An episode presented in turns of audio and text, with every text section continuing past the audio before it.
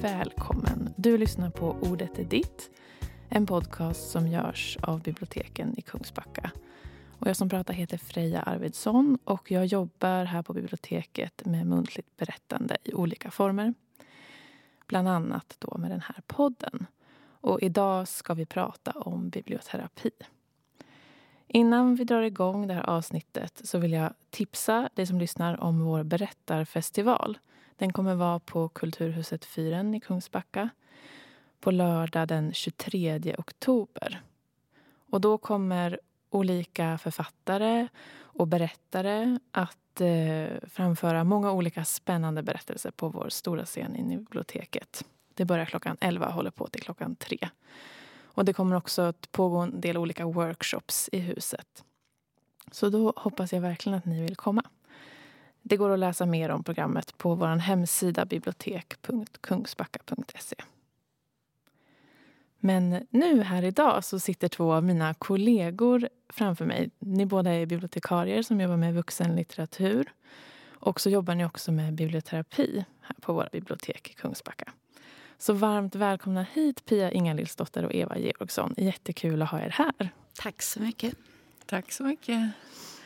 Ja, kan inte ni berätta lite kort om hur det kommer sig att ni började jobba med biblioterapi? Pia och jag eh, fick möjligheten att eh, delta i eh, en utbildning i Region Halland för att gå en biblioterapeutisk bokcirkel tillsammans med andra kollegor runt om på biblioteken i Halland. Och detta var för tre år sedan. Och det var Kinna Svensson som, som ledde den här um, eh, cirkeln som vi kallade det. Biblioterapeutisk cirkel. Det var väl också ett sätt att eh, förnya sig och det verkade ju väldigt intressant. Då. Så eh, vi kände väl båda att det kunde vara något att hoppa på. Mm. Ja, för båda ni har jobbat länge inom biblioteksbranschen. Du Pia har jobbat, är en av de som har jobbat längst tror jag på biblioteken i Kungsbacka nu. Hur länge är det du har jobbat? Jag blev utexaminerad i januari 83. Mm. Och då började du på biblioteken i Kungsbacka? Nej, Nej, jag har varit på lite andra ställen också. Och du, Eva, har ju jobbat på Gotland innan. Och nu sen, hur många år har du jobbat i Kungsbacka? Jag har jobbat som bibliotekarie sedan 1990 och de fyra senaste åren i Kungsbacka kommun. Och eh, jag har jobbat huvudsakligen med vuxenlitteratur och vuxenverksamhet och programverksamhet runt om i Sverige. Mm. Varför tycker ni det är viktigt att jobba med läsfrämjande aktiviteter och med att göra litteratur tillgängligt då för, för våra låntagare och våra invånare? Jag tycker det är en demokratisk fråga att eh, tillgängliggöra. Alla ska kunna få ta del av, av all kultur och naturligtvis även litteratur både för att eh, kunna förkovra sig för studier och för eh, underhållning också. Det, det tycker jag känns väldigt viktigt. Jag har en gammal tanke så som jag inte vet var den kommer ifrån men redan tidigt så har jag haft en känsla som jag burit med mig genom åren att litteratur ger kunskap och kunskap ger makt. Så det är ett väldigt viktigt demokratiskt uppdrag att tillgängliggöra litteratur och möjligheter till läsning och att även samtala kring litteratur.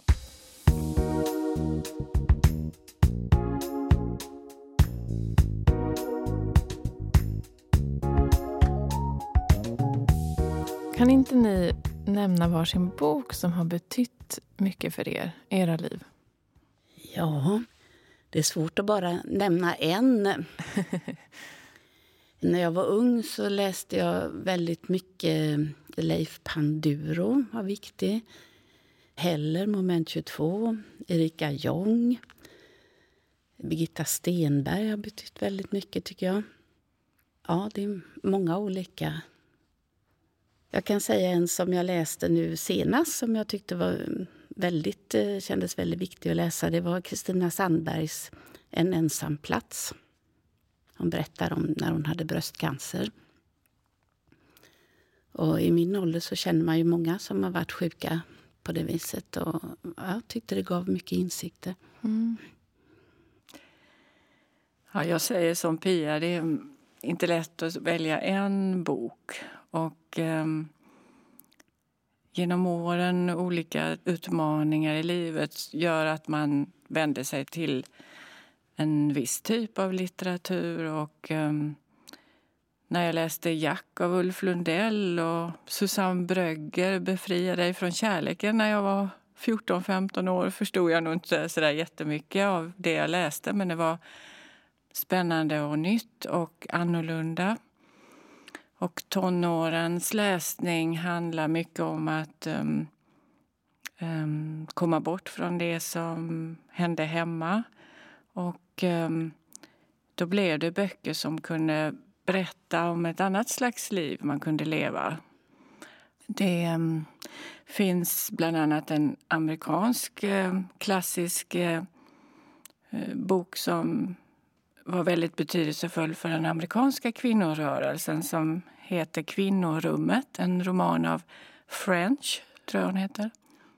Och um, den var ju en viktig läsning, så, även om den utspelar sig i USA. Och um, ja, det går i perioder vad man tycker är det viktigaste och bästa man har läst. och Så tycker jag. Ja. Mm. Har lite med åldern att göra kanske också. Ja, kanske vilka frågor eller ämnen man vill läsa men också vilken mm. typ av liksom, språk och författare. Mm. Ja, men det hade ju varit hemskt om man hade läst den bästa boken för länge sedan. ja. Det kommer ju hela tiden. Ja. Ja. ja. Jag tycker ofta att den bästa boken jag läser är den jag läser just nu. Om det är en riktigt bra bok. Mm. Att det liksom, eller någon jag läst nyss. Mm. Ja. Bland mina Bland mina bästa läsupplevelser, eller viktigaste läsupplevelser tror jag jag har Mare Kandre och Sylvia Plath. Mm. Ja.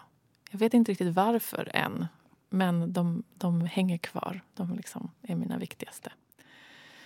Eh, idag så ska vi som sagt prata om biblioterapi. Och för några år sedan när ni gick den här utbildningen i biblioterapi och började hålla träffarna hos oss på biblioteket så då upplevde jag att det var fler som frågade vad biblioterapi var för någonting. Idag tänker jag att fler vet lite mer, ungefär i alla fall, vad biblioterapi är. Men kanske inte allting som biblioterapi kan vara för att det är ett väldigt brett begrepp som inrymmer massa olika typer av former och läsecirklar och terapisamtal och läsetips. Eh, men biblioterapi är ju då, lite som man hör på namnet, böckers terapeutiska förmåga eller skönlitteraturens eh, kraft att få oss att må bättre och litteraturens hälsofrämjande liksom, effekter. Eh, när vi läser så... Det finns ju forskning som visar att vår stress minskar och vår empati ökar. Och jag tänker att vi som sitter här, men också ni som lyssnar kan känna igen er i att man läser någonting och så kanske man kan spegla sig i det man läser och på så sätt bearbeta någonting hos sig själv. Och Det kan ju både vara att man speglar sig i nåt som är lika en själv eller nåt som är jättelångt bort från en själv. Men ändå kan man spegla sig i någon liten detalj hos de här karaktärerna. Eh, eller att man kan få ägna sig åt eskapism, det vill säga att liksom fly från en stressig vardag eller från saker som tynger en och att det också kan ha en, en terapeutisk förmåga eller terapeutisk effekt. Eh, jag tänker på, här på biblioteket i Kungsbacka så jobbar vi med en biblioterapiform som liknar eh, läsecirkeln, skulle man väl kunna säga. nu ser det ut som att du inte håller med mig. Vad vill du säga, Eva? När Pia och jag hade gått färdigt den här um, fantastiska utbildningen, regionala utbildningen som vi blev tillfrågade då, att delta i detta. Um, bibliotekets ledning uh, ville satsa på detta och i samarbete med Ordet är ditt. Och, eh, var peppade då att kasta oss ut i detta efter vi var klara med utbildningen. Så vi, det har varit just det att vi har kastat oss ut i detta. Haft med oss den här kunskapen och eh, utbildningen. Där hade vi ju tema för varje gång. Och vi, det var ju workshop, alltså vi arbetade med oss själva samtidigt som vi fick med oss eh, kunskap och så. Um, vi valde så småningom att kalla våra träffar där vi bjöd in allmänheten att delta och samtala kring en text för samtala om livet. Ehm, för det här terapiordet kan ju vara lite skrämmande. Vi är inte utbildade biblioterapeuter. Det finns eh, en ehm, form av sammankomst där man pratar kring en text som kallas för shared reading. De är ju noga med att säga att det inte är biblioterapi. Vi la upp det väl lite åt det hållet att vi använde en text som vi samlades kring och, och hade ett tema då färdigt där man från början. Ja, precis. För biblioterapi kan ju användas inom vården och vara liksom mer terapeutiskt eller liksom mer riktat till personer med psykisk ohälsa snarare än vad liksom våra biblioterapiträffar har varit eftersom som du säger ni inte är terapeuter. Sen är det inte jättevanligt i Sverige det används inte biblioterapi jättemycket inom vården i Sverige som det gör i andra länder i Europa till exempel. Men det är det jag menar med just läsecirklar. Det är inte på en vårdcentral eller det är inte med en grupp, kanske på Eh, ett boende eller så. Utan det är besökare som får anmäla sig som har lust att prata om existentiella frågor. Att samtala om livet som ni också valt att kalla träffarna. Och eh, ja, men det, jag tycker det är spännande att det liksom, biblioterapi kan vara både det här väldigt strikt terapeutiska, eller strikt, men det mer terapeutiska. Men också en lite mer öppen läsecirkel men som ändå har det terapeutiska inslaget och som har verkligen det här värdeskapandet kring att prata om, om livet och kring att prata om specifika teman. Den stora skillnaden är ju om man har en bokcirkel eller läsecirkel. Då har man ju läst en text eller en hel bok och så pratar man om boken som litteratur. Nu så har vi en text som vi läser tillsammans och vi talar om det här temat. Det kan ju till exempel vara om ensamhet i allmänhet. Vi, vi talar inte om hur författaren har framställt det och varför huvudpersonen gjorde si eller så. Eller miljöbeskrivning och så. Det är väl det som är eh, en stor skillnad. Mm. Ja, precis. Så att det också är tillåtet på ett annat sätt att prata om sig själv, tänker jag, på biblioterapiträffar. Ja, det som är viktigt eh, i vårt upplägg det är ju frivilligheten. Och ehm, vi är någon slags ledsagare kan man säga i ett samtal där vi alla är likvärdiga. Eh, vi sitter inte och frågar ut och låter ordet gå runt. Det ska kännas bekvämt och, och man kan komma till en träff och sitta och lyssna. Eh, texten har man inte fått i förväg utan vi har valt då eh, att um, lämna ut den när vi kommer och antingen att vi läser högt uh, eller att man får läsa den tyst. Och samtalet får vandra fritt. Jag har varit med om att eh, det temat för kvällens träff har direkt genererat i att människor har öppnat sig och börjat prata. Och först i slutet så har vi fångat upp texten för kvällen. Så vi har varit öppna för att det kan ta olika vägar när vi börjar. Så vi har haft ganska fritt att utforma det här. Vi har haft träffar tillsammans. Vi har också provat att ha varsin, varannan träff. Och eh, vi eh, sitter och spånar mycket kring teman och, och litteratur och val av text. Och vad som kan fånga de som är intresserade. Så. Ehm. Vi har väl haft att det varit eh, viktigt att man inte behöver prata om sig själv. Man kan prata om det här ämnet i allmänhet. Det, det får man bedöma själv hur mycket man vill mm. lämna ut sig. Mm. Det tänker jag är en jätteviktig del. Liksom, att, att man kan också bara komma och lyssna. Eller man kan också prata om bara texten. Mm. Eh, och inte nämna sina egna tankar eller problem.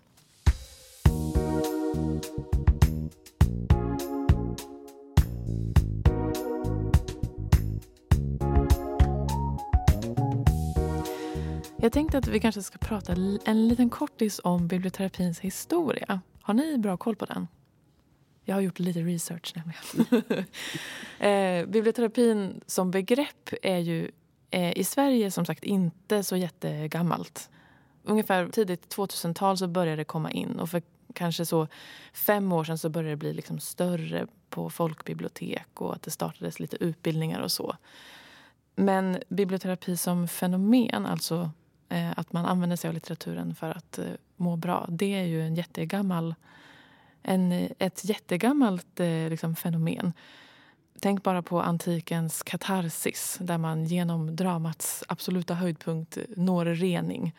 Men också att man redan i det forntida Egypten, alltså 4000 år före Kristus, så kunde man äta eh, papyrusark med inristade meningsfulla ord för det sa man skulle liksom verka helande.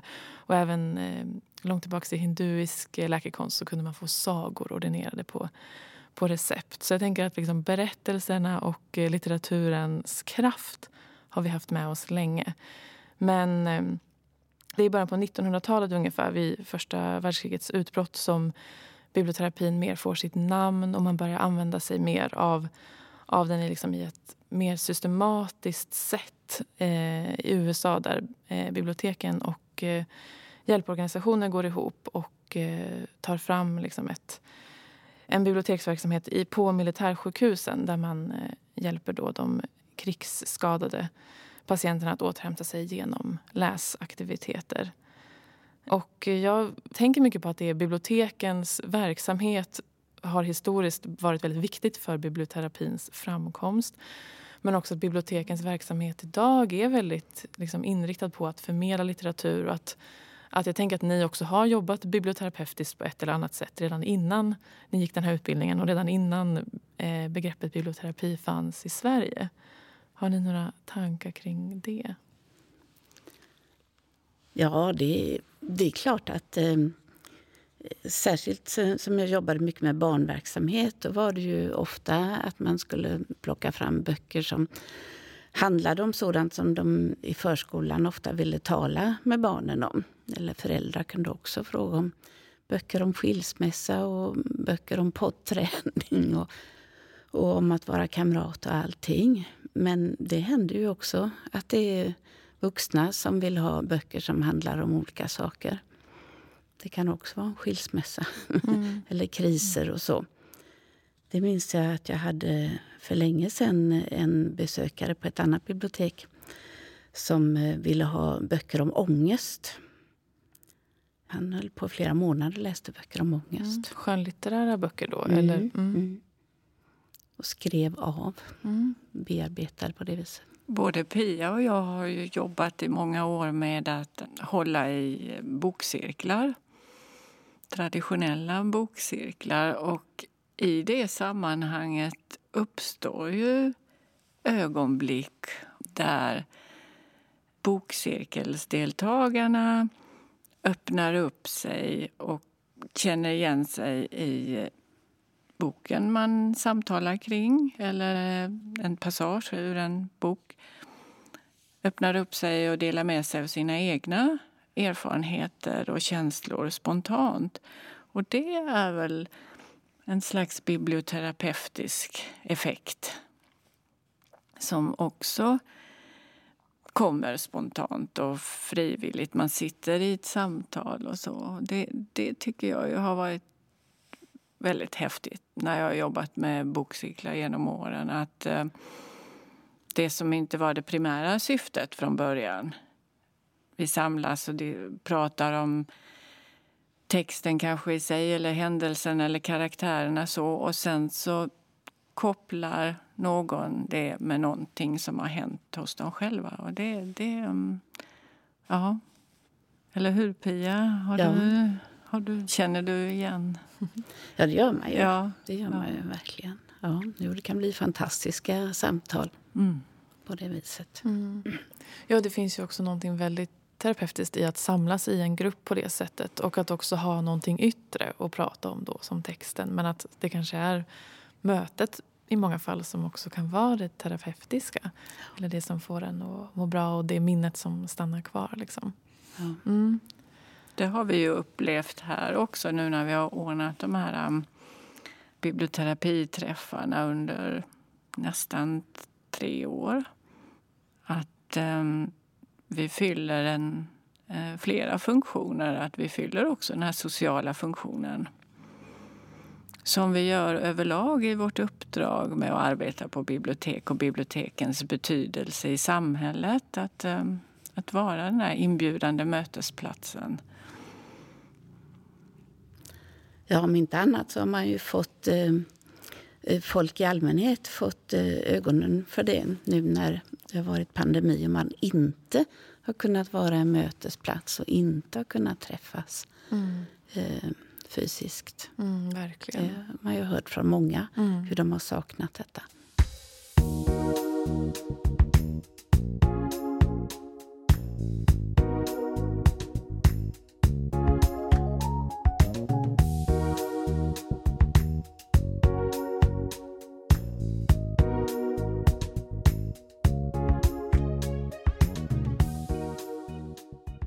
Ni pratade lite innan om eh, att ni har haft olika teman till träffarna.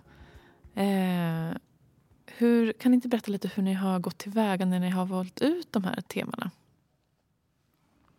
Ja, det har ju varit allmänmänskliga teman som rädsla, förtroende och mansroll och kvinnoroll och, och sånt där.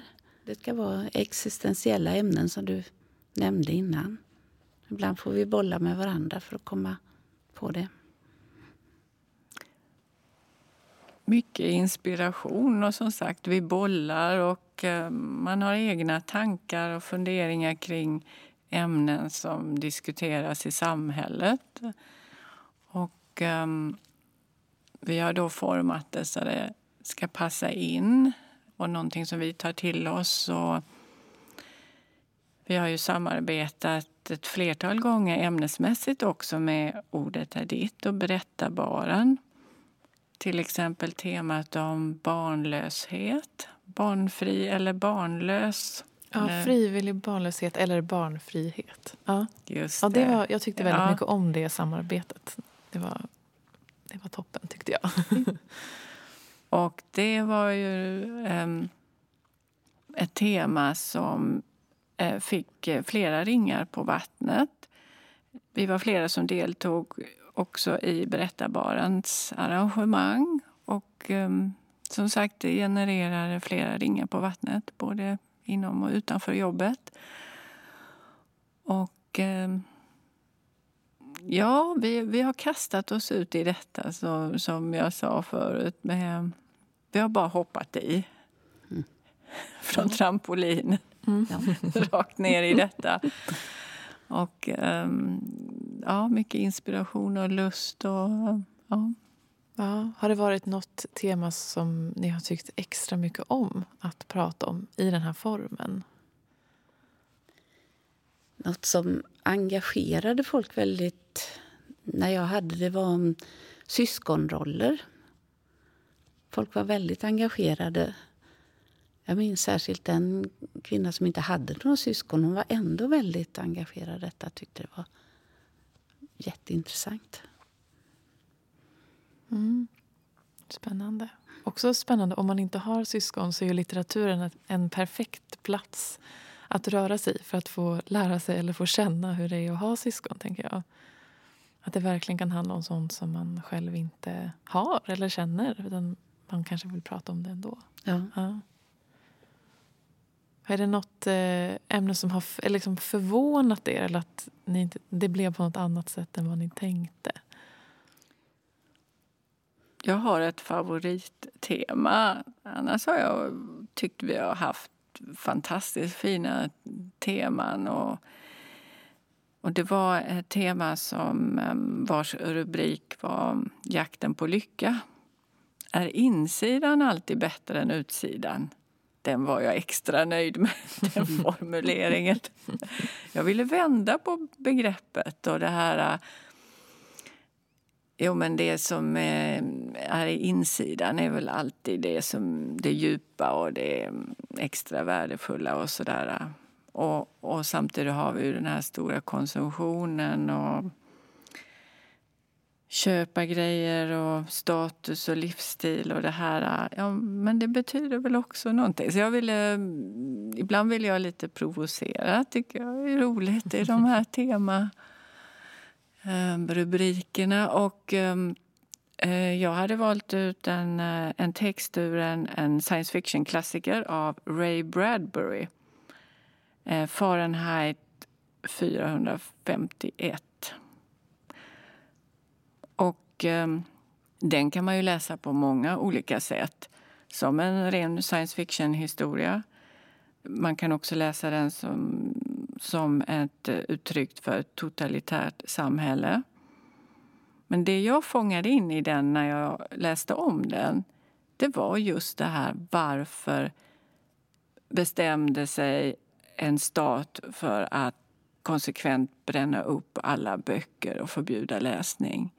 Jo, därför man trodde på att då uppnådde man en lycka för befolkningen. Jakten på lycka såg jag som ett uttryck i den här historien. Då. Eller just lyckotemat. Man ska inte bekymra sig om någonting. Om man läser en bok då börjar man fundera för mycket och så vidare. Och Det var ganska häftigt för just temat eh, drog igång samtalen i gruppen direkt. Så att jag kom aldrig till att läsa texten eller, eller att vi läste texten i gruppen. Så det, det, det är häftigt, tycker jag. Um, mm. Vad spännande. Det räckte liksom att du presenterade vad den handlade om och sen så kom diskussionen igång av det? Ja, jag kom inte ens till att presentera texten utan det räckte med att jag presenterade kvällens tema. Mm. Så var det någon som hakade på direkt och hade ett behov av att dela med sig. Det var häftigt. Och sen mm. flöt det på en och en halv timme utan att jag behövde säga någonting. ja, vad spännande. Då var det verkligen ett tema som folk hade ett behov av att prata om. Att det, mm. Ja, vi känner oss nöjda. Verkligen. Ja. Mm. Ja. Och du Pia, har du varit med om något som har förvånat dig i relation till tema som du valt till träffarna? Ja, det har jag säkert. Jag vet inte om jag... Jag hade ett tema om rädsla en gång och försökte via texten få fram att det fanns olika sorters rädslor. Både rädsla för våld, rädsla för eh, Eh, psykiskt våld och ja, fobier. Rädsla för att göra bort sig och sådär. Och eh, det var inte helt fullt i gruppen, men det var ändå några som kom och så. Och de verkade så ivriga, men sen när de skulle börja prata så var det väldigt... Eh, det var några där då som ville berätta om olika rädslor och så. Men jag blev förvånad att eh, att folk var väldigt tillbakahållna och, och hade svårt att prata om det. Mm. Ja. Viktigt då också att prata om, men såklart ja. svårt också att få till ett kanske levande samtal. Men, ja, ja. det var det faktiskt. Ja. ja. Hur har ni gjort då när ni har valt ut texter till träffarna? Ja, man har fått leta i sitt inre bibliotek.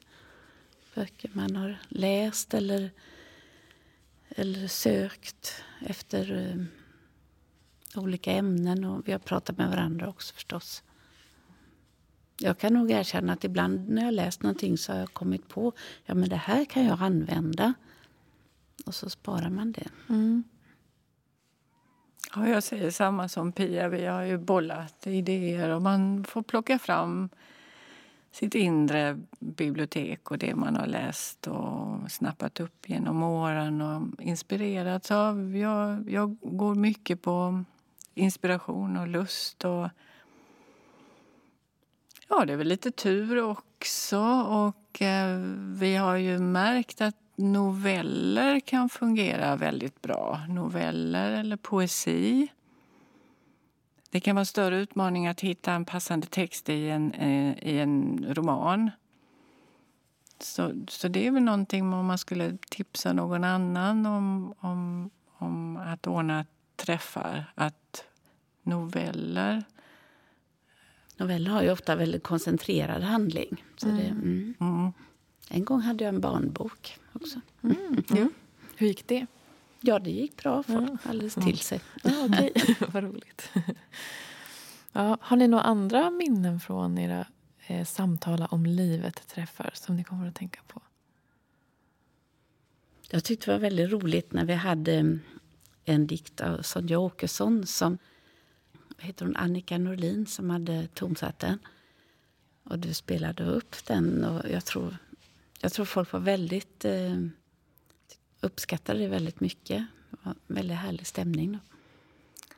Och vad roligt du säger det Pia, för jag har glömt bort det att vi har använt Sonja Åkessons lyrik. Och hon är ju en, en av mina favorit, favoriter. Så um, ja, det var fint att vi också kunde spela upp uh, under kvällen där. Ja, en mm. tonsättning. Mm.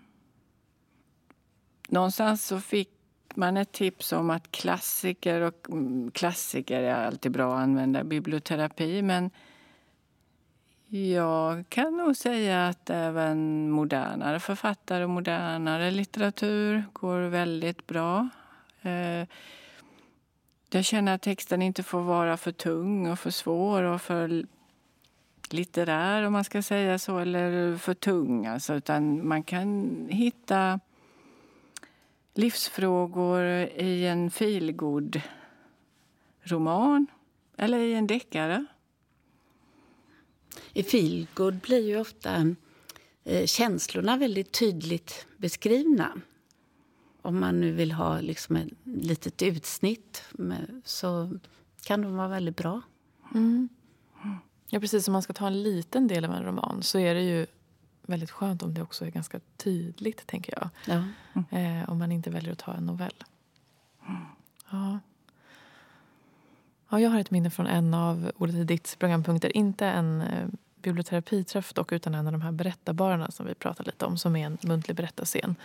Då vi hade rubriken Minne och glömska, men vi hade demens då som tema och Jenny Tunedal och Ukon var med och pratade utifrån Eh, Jenny Tunedal pratar utifrån sin diktsamling Rosor skador som hon skrev när hennes mamma var, eh, var sjuk i demens. Eh, och, eh, och Ukon då utifrån sin... Han har också skrivit en bok om det. Han pratar liksom utifrån sina, sitt arbete som eh, psykodynamiker. Och också liksom, eh, efter, utifrån den, de studierna han gjort. Och det var jättefint verkligen liksom, att sitta och lyssna. Och sen efteråt fick publiken komma in. Och då brukar vi ha så att publiken får eh, eh de får såklart ställa frågor men de får också väldigt gärna berätta bara någonting de kommer att tänka på eller, eller någonting som de själva varit med om. Och då var det en i publiken som berättade om, om sin mamma som eh, hade haft demens länge och som det var jättesvårt att prata med henne. Men så berättade hon om en gång när hon hade varit och hälsat på henne så hade hon bara varit så klar och liksom frågat men hur är det med bla bla bla. Och då var det hennes tror jag, dotters pojkvän som hon plötsligt bara kunde namnet på.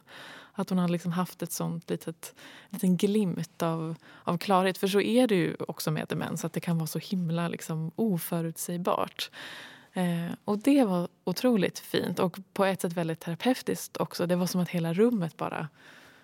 Ja, vet, det var väldigt, en väldigt häftig eh, häftig stund. Och då tänker jag att det också handlar väldigt mycket om litteratur för vi pratade utifrån deras, deras skrivande men också väldigt mycket om, om egna erfarenheter. Det var väldigt fint. Ja, det kan jag förstå. Demens mm. är ju verkligen något som eh, drabbar och berör eh, alla runt omkring den sjuka också. Mm. Mm. Ja, men verkligen. Ja. Och att demensen också då i Jenny Tunedals bok verkligen har ett språk som blir väldigt poetiskt. Hon har liksom skrivit ner saker som hennes mamma har sagt och så är det väldigt förvirrat såklart. Men hon har bearbetat det så att det blev otroligt poetiskt. Det är också spännande att göra litteratur av någonting som också såklart är otroligt jobbigt för en själv och otroligt sorgligt. Ja. Ja. Har ni upptäckt någonting hos er själva då, under de här biblioterapiträffarna? ja, alltså man väljer ju teman som intresserar en själv. Annars skulle det nog bli lite tråkigt. Ja. Så det kan man väl säga. Jag var väldigt eh, intresserad av syskonroller ett tag. Jag har läst en del skönlitterära verk om det. Så det gjorde jag en eh, biblioterapiträff om. Och eh, jo, jag kände nog att jag fick ut väldigt mycket själv av det. Det måste jag säga. Mm. Jag är yngst av eh, tre syskon som är betydligt äldre än mig. Så det har varit lite speciella roller där. Ja, jag tyckte det var kul. Mm. Jag tycker att det har varit väldigt spännande att göra det här tillsammans med eh, Pia. Och ehm, att vi också fick frågan att delta i den här regionala utbildningen. Och, eller som Kinna kallade det, att det var en biblioterapeutisk eh, cirkel där vi fick möjlighet att jobba med oss själva samtidigt som vi också gick en utbildning i biblioterapi. Och um, den gemenskapen som uppstod i gruppen där. Och sen få möjligheten att jobba med det här eh, som man har ju känt igen genom åren från bokcirklar och så. Att nu få eh, med sig en kunskap och eh, utforska det här. Och, ehm, det har ju nu blivit så populärt och eh, olika typer. Och, ja, som shared reading har ju blivit väldigt populärt. Och det är ju också någonting som skulle vara väldigt roligt att utforska och som är på gång här nu också på biblioteken i Kungsbacka. Mm. Både utbildningar och att kunna applicera det i olika, olika målgrupper. Eh, bland annat på Boken kommer-avdelningen. Och eh, vi har ju barn och ungdomsbibliotekarier som har gått den här utbildningen också. Så att eh, Det är alltid stimulerande att få prova någonting nytt Mm. i verksamhet för vuxna och vuxenlitteratur och så. Mm. Jag tror att det finns en längtan hos många att få förkovra sig lite, både i litteratur och även att eh, få ha riktiga samtal med andra. Jag tror det. Ja, det tror jag med. Och vi märkte också innan corona slog till och vi behövde ställa in lite träffar och så, så märkte vi verkligen att det var många som anmälde sig och trycket på biblioterapin verkligen var stort. Det är också väldigt kul att se. Har ni något tema som ni vill ta er an härnäst då? Eller är det hemligt kanske? Ja, ett tema som inte är hemligt eh, och som ehm, när vi nu har fått ställa in eh, ett par träffar under pandemin så har vi ju ändå material och ehm, att ta med oss och prova igen och, och behålla. Eh, och, mm, ja, både teman och litteratur kring det som vi, vi tycker är verkligen värt att genomföra. Jag har ju ett här då som jag inte ger upp, som nu ska prova igen här i höst. Och det uppstod i samband med eh, fotbolls-VM eller fotbolls-EM. Jag tittar mycket på fotboll på tv. Och eh, just det här med känslouttryck och um, att man uttrycker så otroligt starka känslor i idrottssammanhang och i fotbollssammanhang. Så eh, jag ser fram emot nu att få eh, genomföra temat Får män bara gråta på fotbollsläktaren? Mm. Precis. Ta det som en man, får män bara gråta när Sverige spelar fotbolls-EM. Jag tycker det är lite roligt med de här lite ut, utmana lite. Mm. Ja, Ja. verkligen. Ja, Jo, jag har väl också haft teman som blivit inställda nu. Då. Nu sist så var det om förälskelse. Vad är förälskelse? Är man förälskad i förälskelsen? Står den i vägen för själva kärleken? Mm. Det, är, det är en biblioterapiträff som jag vill gå på. Mm. Mm.